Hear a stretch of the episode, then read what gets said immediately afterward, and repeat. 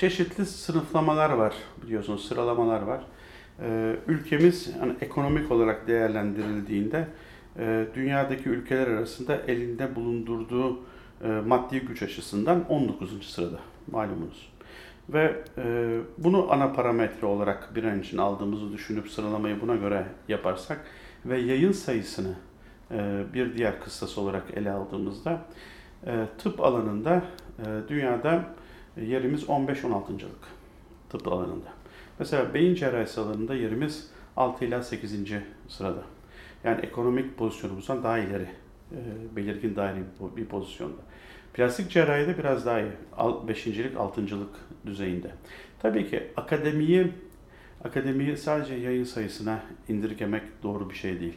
Ee, yayın kalitesi açısından ölçtüğümüzde yani dünyada e, citation'ların sayısına göre e, bizim akademimizin, Türk akademisinin bilim dünyasındaki yeri yüzde 0.8. Yüzde birin altında. Bu parametreye göre. E, şimdi yine e, ülkemiz e, dünyadaki tüm dönen e, var olan e, paranın e, yüzde 0.9'unu elinde tutuyor. E, mesela elinizde tuttuğunuz bu para gücüyle e, bilim dünyasına yaptığınız katkı arasında büyük bir paralellik var. Güney Kore mesela toplam dünyadaki maddi gücün, para gücünün yaklaşık %4-4.2'sini tutuyor.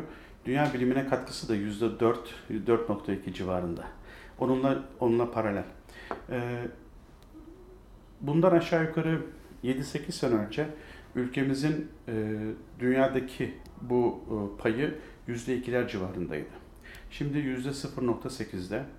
E, yani bir şekilde bu e, akademik yapımızın e, yeniden bir yapılanmaya ihtiyaç gösterdiğini bize bize gösteriyor.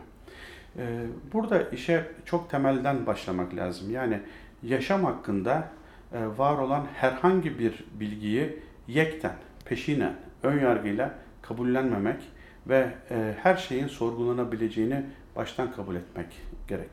E, bu kültürel yapıyla çok yakından ilişkili bir şey. Yani çünkü bütün bütün bu değerler, kültürün bütün değerleri sanki dibinden birbiriyle ilişkili e, bu hidrolik kurallarına göre e, çalışan yapılar gibi. Yani bir ülkenin sineması çok iyi, sporu çok kötü, ekonomisi çok kötü, bankacılığı çok kötü olamaz.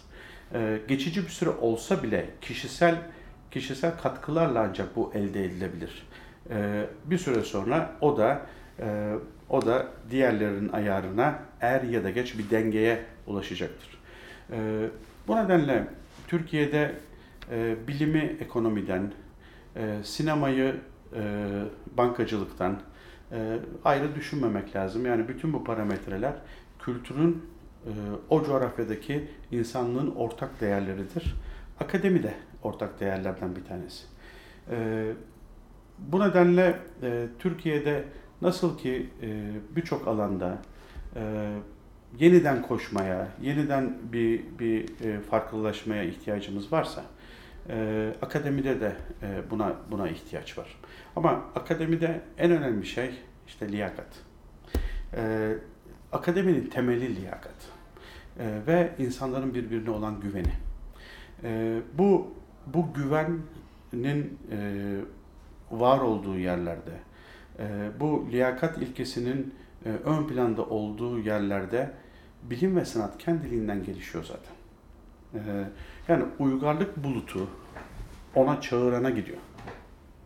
E, o uygarlık bulutu e, ona ulaşabilmek için çaba gösterene e, gidiyor. O yüzden dünya üzerinde bu uygarlık bulutu bulutu böyle e, çek, çekilen bir şey uygarlık. E, bizim bizim bu liyakata ve insanların birbirine güvendiği bir akademik düzene ihtiyaç var. Temel bu.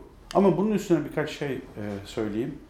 E, akademinin daha iyiye gidebilmesi için bir enstitüleşme lazım. Artık eskisi gibi disiplinlerin kendi başına başat hale gelmesi dönemi malumunuz artık böyle bir şey yok. Ve belirli konularda enstitülerin oluşup o konuda multidisipliner yaklaşımın e, gerçekleşmesi lazım. Dolayısıyla enstitüleşme e, akademik yapı, yapının iyileştirilmesi için gerekli e, kurumsallaşma metotlarından bir tanesi. E, bir diğeri PhD. Yani bilim doktorası bir ülkede bilimin gelişmesi için en önemli temel temel kriter. Yani bilimi yaşam amacı olarak, profesyonel yaşam amacı olarak seçmiş insanların sayısının arttırılması ve bunun uygun şekilde e, eğitiminin verilmesi ya da bu eğitim nerede veriliyorsa e, hak edenlerin oraya gönderilmesi. E, dönmeyebilirler. Ben e, ben öğrencilerimi yurt dışına gönderiyorum. Her 40 öğrenciyi yurt dışına biz biz yüz yüz burs olarak gönderiyoruz ve USMLE'ye sokuyorum. E, bilimde coğrafi sınır yoktur. Yani bilimde e, zihinsel e, zihinsel domainler vardır. Hangi alanda araştırma yapıyorsanız artık sizin vatanınız odur. E, ve bilimde coğrafi sınırlar silikleşir. E, bana bazen diyorlar ki ya öğrencilerinin neden şuraya buraya gitmesine e, teşvik ediyorsun? Çünkü çoğu zaman e, gidenler kalanlardan bu ülkeye daha çok yararlı oluyor da o yüzden.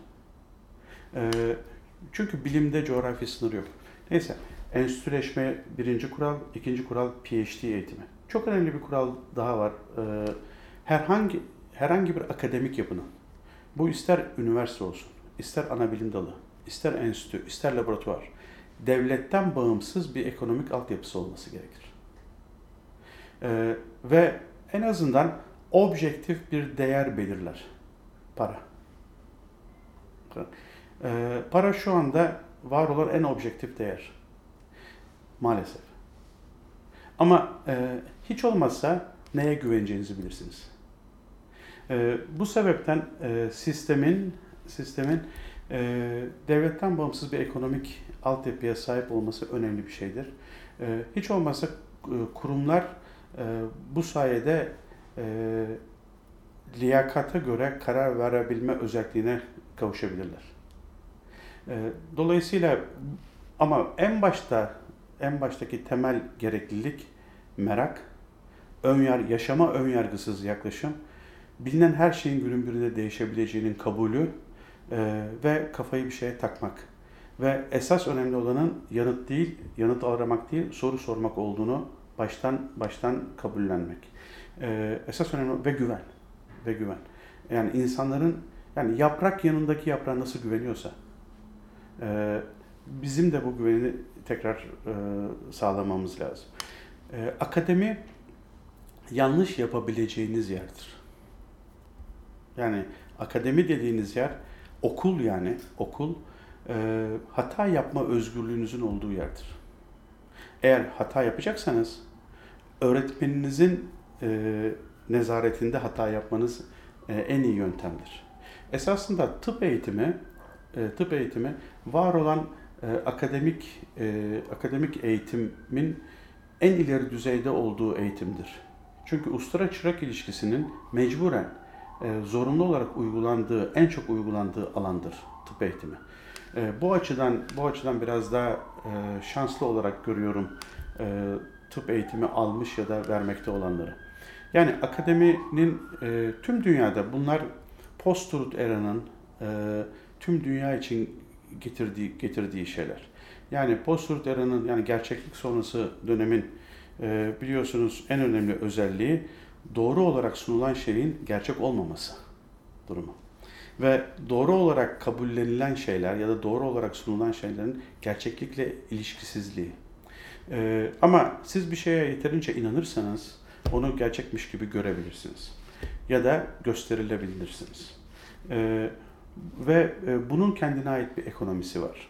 Bu ekonomi e, bir illüzyon üzerine e, dönen dönen ekonomi, gerçeklik üzerine dönen bir ekonomi değil. Bu nedenle değişkenlik göstermesi anlıktır. Çünkü illüzyonlar belirler. Yavaş yavaş bu neoliberal dönem yerini bu bağlantısallıktan doğan ve nereye doğru gideceğini henüz, nereye doğru evrileceğini henüz kestiremediğimiz ama yeni bir yeni temelli, yeni bir bilimin e, bize yol göstereceği, e, yeni bir hukukun buradan doğacağı e, farklı bir kültüre doğru evriliyor.